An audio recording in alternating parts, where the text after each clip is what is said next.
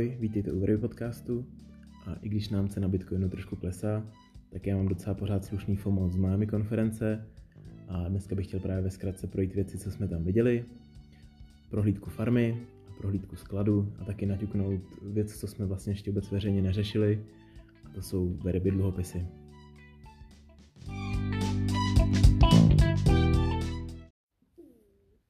Co se týče konference Bitcoin 2022 v Miami, tak jak to jenom říct, tak to bylo určitě velký, všem to doporučuji, já jsem určitě chystám příští rok znova, ale jako mraky přednášek, je to extrémně nahuštěný informačně, stánkama vším. Určitě jsem nestihl všechno, co jsem chtěl jako vidět, slyšet, potkat se.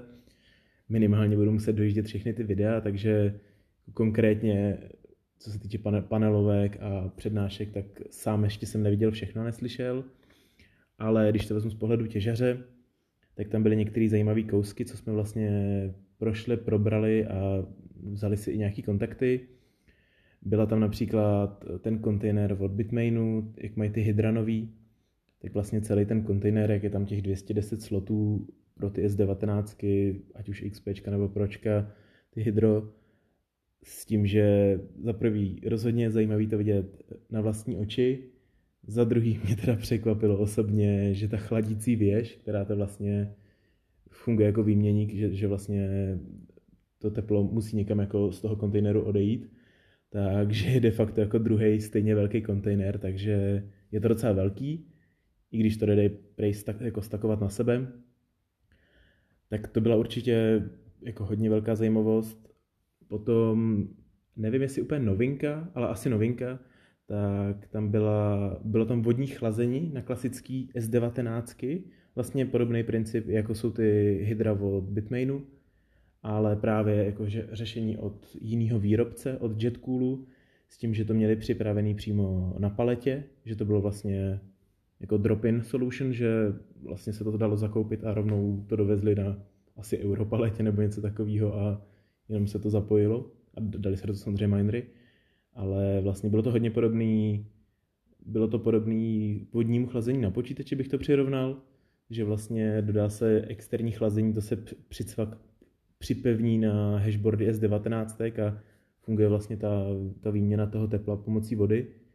S tím, že právě na, na té paletě je všechno, včetně včetně, včetně, včetně čeho? Včetně nějakého větráku, který přemístuje to teplo vlastně z toho, z toho, z toho výměníku.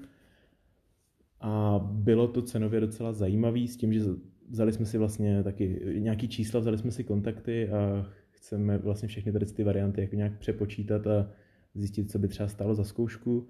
Na, na u toho Jetcoolu tak na tu jednu paletu se vešlo 18 minerů, takže to je docela relativně malý řešení na nějaké otestování oproti tomu Bitmainu, kde jich je rovnou 210 plus cena toho kontejneru, to jsou jako odhadem prostě včetně minerů pár milionů dolarů, takže to nejsou úplně malé čísla. Potom tam byl immersion cooling od DCX, to už je řekněme takový asi voskoušený nebo klasický immersion, s tím, že taky jsme na to neslyšeli úplnou jako chválu, takže těžko říct, ale minimálně to bylo zajímavé vidět to vlastně vidět to v porovnání, že pořád se jako vyvíjejí a vymýšlejí se věci, jak prostě ty asiky uchladit, jak to udělat co nejvíc efektivně, jak přeměnit teplo a tak dále. No. Eh, určitě všechny varianty chceme v klidu probrat, zvážit a jestli by třeba nešli prostě nějak efektivně využít pro náš use case, ať už někde nebo případně i v budoucnu jako v našem hostingu. A potom určitě, co bych ještě rád zmínil, tak byli jsme vlastně u kluků eh, od Brains na stánku, kde se mi vlastně podařilo odchytit Honzu Čapka, z kterého jsem tahal rozumy a taky vlastně nám řekl spousta jako zajímavých informací, se kterými chceme pracovat. Nevím úplně, jak všechno je veřejný nebo tak, takže to nechci být nějak konkrétní, ale bavili jsme se třeba ohledně overclockingu, jaký jsou limity těch zdrojů, těch S19, jaký jsou možnosti a tak dále. No. To, to, si myslím, to jsou takové, řekněme, věci, které bych do budoucna chtěl otestovat a právě chtěl jsem zjistit nějaké možnosti, což si myslím, že bylo od ideálního člověka. Bylo tam toho strašně moc, to expo vlastně, kde byly stánky, tak to, to se nedalo ani jako všechno projít. Člověk si musel v podstatě tak jako tak vybírat, co všechno jako chce nebo nechce vidět a musel dělat nějaký kompromisy. Ohledně volnočasové zábavy vás nebudu vůbec s tím zatěžovat, to si myslím, že uvidíme u Kicoma na kanálu. A jak jsem říkal, přednášky nebudu vůbec hodnotit, protože viděl jsem tři nebo čtyři a určitě minimálně ty o miningu a open source plánu všechny zpětně dokoukat. Takže to je asi co se týče jako konference. Co bylo ale asi nejzajímavější, tak eh, že jsem vlastně dostal příležitost s Johnem naštívit bitcoinovou farmu na Floridě, vlastně pár hodin od Miami. Eh, je to vlastně hosting centrum, na kterým přímo ve Ryby hostuje pár S19. Eh, jsou vlastně pořád ještě v nabídce. Co je určitě zajímavé, že k něčemu takovému se normálně člověk v podstatě vůbec nedostane. Jo? Standardně lidi si střežejí prostě tu lokaci, kdo to provozuje, jak to provozuje, jaký technologie, jak to vypadá, eh, jak to vypadá jako doslova uvnitř, jak to vypadá okolo, eh, jak to spravujou, jaký tam jsou prostě teploty a tak. A tady vlastně strašně příjemný chlápek nebo správce, eh, strašně přátelský, neuvěřitelně chytrý člověk. Je to vlastně tak trošku jako one man show, on to teda celý spravuje nebo vytvořil to, sestavil to sám, ale udělal nám kompletní prohlídku s tím, že vlastně začínal na jednom skladu, nebo spíš tak jako část skladu, že dokonce to nebylo ani celý využitý, celý využitý sklad. Až potom vlastně se rozrůstal na druhý velký sklad, kde už jako je asi 700, myslím si, že 700 asiků. A teď vlastně stavějí si vlastní kontejnery s tím, že všechno si vlastně jako navrhuje sám a bylo to neuvěřitelně zajímavý. Za prvý vlastně je to na Floridě, což prostě standardně, když byste řekli jako, jako Bitcoin mining, tak to je, není úplně první jako lokace, co by vás napadla, že vzhledem k tomu, jaký tam jsou teploty, vlhko, prostě řekněme ne zrovna ideální podmínky. A přesto vlastně je tady z toho jeden z nejstabilnějších hostingů, co máme na Verby. Jo, jakože fakt je úplně downtime je tam úplně minimální, v podstatě asi možná skoro žádnej. Další zajímavost je, že když byly potřeba nějaké opravy, tak si to udělal kompletně všechno sám a on-site, jako na místě. Vůbec se nemuselo čekat, protože standardně vlastně, když se odešlou věci na opravu, tak to trvá v lepším případě dva až pět týdnů, plus to docela ještě něco stojí. Takže tohle je takový jako zajímavý hosting. A co bylo třeba zajímavé, že vlastně, co mě třeba osobně překvapilo, je, že v tom velkém skladu, že vlastně když se dobře udělají ty horký a studený uličky, takže vlastně tam, kde člověk chodí, že tam není ani takový vedro. Jo, že vlastně, že to fakt že, že, že ta ventilace funguje správně a, a samozřejmě nebyly tam žádný klimatizace nebo tak, jo. bylo to klasicky jenom klasický airflow, jo, kde vlastně bylo nasávání a potom větráky u vysávání z horké uli, uličky, jo, s tím, že v té horké uličce bylo jako fakt vedro, jako fakt vedro. A to mě přišlo jako neuvěřitelně zajímavý, že se dalo normálně fungovat jako by na Bitcoin jako farmě. Jsem čekal, že to vlastně bude celý prostě obří, obří horký sklad a vůbec. Eh, co, řešili jsme třeba i co se týče jakoby vlhka, jak si jakoby pohrává prostě, že, že trošku prostě nechává toho teplého vzduchu jako zpátky, aby vlastně vysoušel vzduch, protože z těch minerů jde extrémně suchý vzduch, takže vlastně nemá ani problém jako s tím vlhkým vzduchem na Floridě, což je neuvěřitelně zajímavý. Předal nám strašně moc, eh, strašně moc informací, co si myslím, že pokud dopadne vlastní farma, budou jako ne, nedocenitelné informace a třeba například jakože jak si spočítat, jak velký je potřeba jako otvor na, na nasávání vzduchu, aby to prostě fungovalo tak, jak má a takovéhle věci. Fakt jako neuvěřitelně chytrý člověk a funguje mu to dokonale a k něčemu takovému jako pochybuji, že se vůbec někdy ještě dostanu. Takže to bylo velmi jako 100% asi nejzajímavější věc z celého, z celého Miami. A s tím, že vlastně řekněme, relativně kousek od toho jsme potom jeli s Johnem ještě na obhlídku nemovitosti skladu, ze kterých by možná, když všechno dobře dopadne, byl, byla Bitcoin farma. A s tím, že jsme se právě zeptali, jestli by s náma nechtěli jet, ten člověk z té Bitcoin farmy a nakonec vlastně jel s náma, což bylo hrozně zajímavý, protože to s náma celý všechno prošel, řekl, co by kde jak udělal, poradil se spousta věcma, takže to mělo velkou přidanou hodnotu. Ten sklad je vlastně v industriální zóně, takže je i skvěle umístěný, co se týče nějakého hluku, že tam nemůžou vlastně, nebo neměly by tam být žádné stížnosti na hluk z těch minerů nebo tak, protože vlastně u těch, jak jsme byli na té předchozí, na té farmě, tak vlastně když člověk stojí venku u těch ventilátorů, u těch výdechů, řekněme, jakoby z té budovy, tak vlastně tam je trošku slyšet jakoby ten, ten huk od těch minerů, ale to je jako, řekněme, asi jediná možnost, jako jak poznat, že tam je nějaká Bitcoin farma, jinak to jako nedělá nic jiného. A tady právě díky tomu, že to je v industriální zóně, tak by tam neměly být žádné stížnosti. Ten, to, ten sklad jako takový má docela slušně velký pozemek, nebo hodně velký pozemek. Je to, jako, že by tam šlo prostě vymýšlet spousta věcí. Co je super, tak, že tam vlastně jsou dotahaný dráty až, až přímo na pozemek, takže by neměl být problém rozšířit případně elektriku. S tím, že vlastně momentálně je tam hned dostupných, myslím, že 0,7 MW, jakože doslova, že kdyby to jako prošlo všechno, tak se to dá hned zapojit.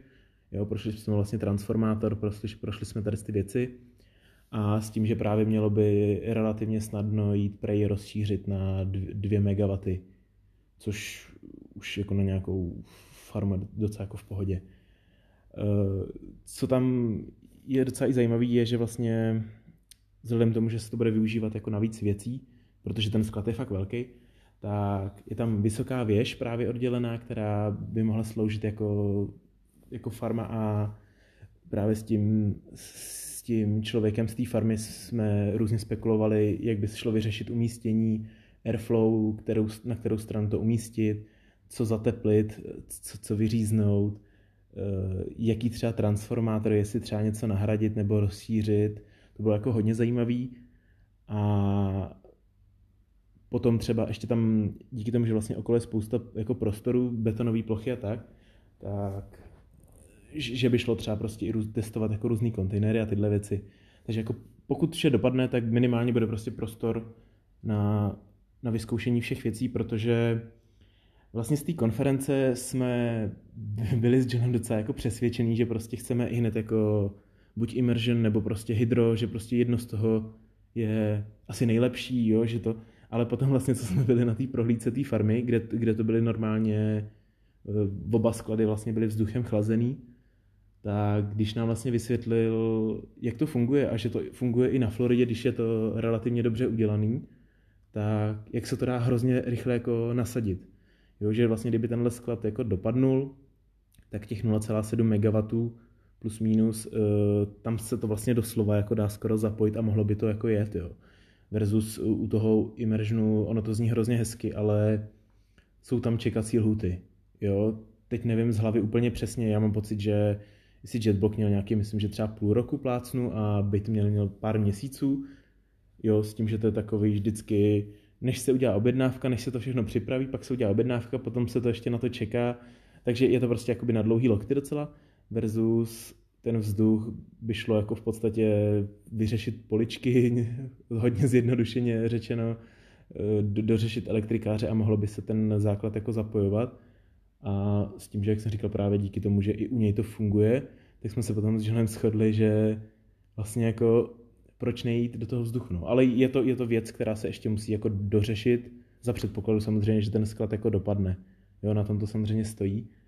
A s tím právě jsem chtěl říct jenom, že jak tam jsou ty betonové, řekněme, prostory okolo, tak dalo by se právě i třeba na nějaký to otestování, ať už třeba tu jednu europaletu od toho jetcoolu, jakože to je takový hrozně jednoduchý, že se to jenom objedná, doveze a zapojí na nějaký vyzkoušení, protože právě Myslím si, že třeba ten immersion nebo to hydro obecně uh, asi líp to bude snášet nějaký overclocking, kdybychom chtěli s něčím takovým jako zkoušet nebo tak, jo, že, ale to jsou řekněme úplně jako myšlenky do budoucna.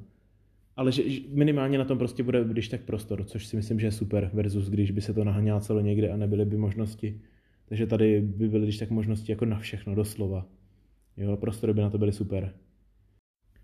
S tím, že popravdě během toho, co jsme vlastně všechno nazbírali a s tím, co se Johnovi podařilo získat za eh, informace během té konference, si myslím, že když dopadne ať už tahle nebo jiná farma, tak prostě, když se jako otestuje a vyzkouší to know-how, tak jako silně pochybuju, že to bude končit u jedné nebo dvou farem. Jo. To je asi co se týče té tý farmy i toho skladu, tak nějak všechno s tím, že vlastně myslím si, že spíš je to spíš takový úvod jenom, že pokud vlastně všechno dopadne a všechno se to rozjede, což si myslím, že bude mnohem dřív než později, tak pokud se nám podaří, tak bych, bychom mohli nějak dokumentovat ten průběh a co, jak se vlastně, všechno potřeba, i takhle, co se týče zařizování, s tím, že vlastně nechci teď říkat vůbec žádné jako konkrétní věci nebo tak, protože řešilo se strašně moc věcí, strašně moc jako možností a tak, takže já sám si netroufám ani odhadovat, co a jak přesně bude. Takže to asi k tomu. A když už teda rovnou nahrávám, tak ještě bych prošel nějaké interní věci ryby. Eh, s tím, že vlastně poslouchal jsem jenom v rychlosti poslední podcast od Johna, abych trošku tušil, kde jsme skončili. A co mě překvapilo, že vlastně, myslím si, že zhruba měsíc zpátky, možná pár dní navíc, tak vlastně když eh, vysvětloval nebo říkal o, o pojištění, tak vlastně bylo 40%, tak jsem na to dneska koukal a momentálně ve Veriby pojištění už přerozděluje skoro 73%, což si myslím, že je docela slušný skok. A s tím, že stále platí vlastně, že Veriby přerozděluje 100% provize, takže myslím si, že incentivy jsou jasně nastavený a cílem je, aby jelo všechno, aby vlastně se vydělávalo. Takže to jenom takový dodatek, přijde mi to zajímavý. A ještě bych chtěl naťuknout vlastně ty dluhopisy, které jsme vlastně vůbec ještě veřejně, myslím, že nějak neprobírali, ani jsme o tom nepsali ve skupině. Už jsou teda na webu. Jedná se o firmní dluhopisy, s tím, že my jim říkáme těžební dluhopisy a jedná se pravděpodobně o první těžební dluhopis svého druhu, který vyplácí výnos přímo v Bitcoinu. Je určený spíš asi pro firmy nebo pro někoho, komu přijde ta těžba jakože příliš až moc riziková, s tím, že vlastně může se jednat třeba o další možnost, jak dostat Bitcoin do firmy, komu by třeba neprošlo přes účetní, že jako kupovat podíly a těžit, tak tady je možnost, jak relativně, si myslím, konzervativně dělat investici a získávat e, bitcoiny. Investice, jsou, investice do těch těžebních dluhopisů jsou od 10 000 dolarů, s tím, že tam je roční úrok 12% a výplata každých 6 měsíců právě v Bitcoinu. Tím, že tady ty všechny detaily se dozvíte jako na webu. Spíš jsem to chtěl jenom jako naťuknout jako takovou zajímavost. Více informací se dozvíte na veribě.cz lomeno dluhopisy, nebo to když tak i dohledáte na tom českém webu v sekci pro investory.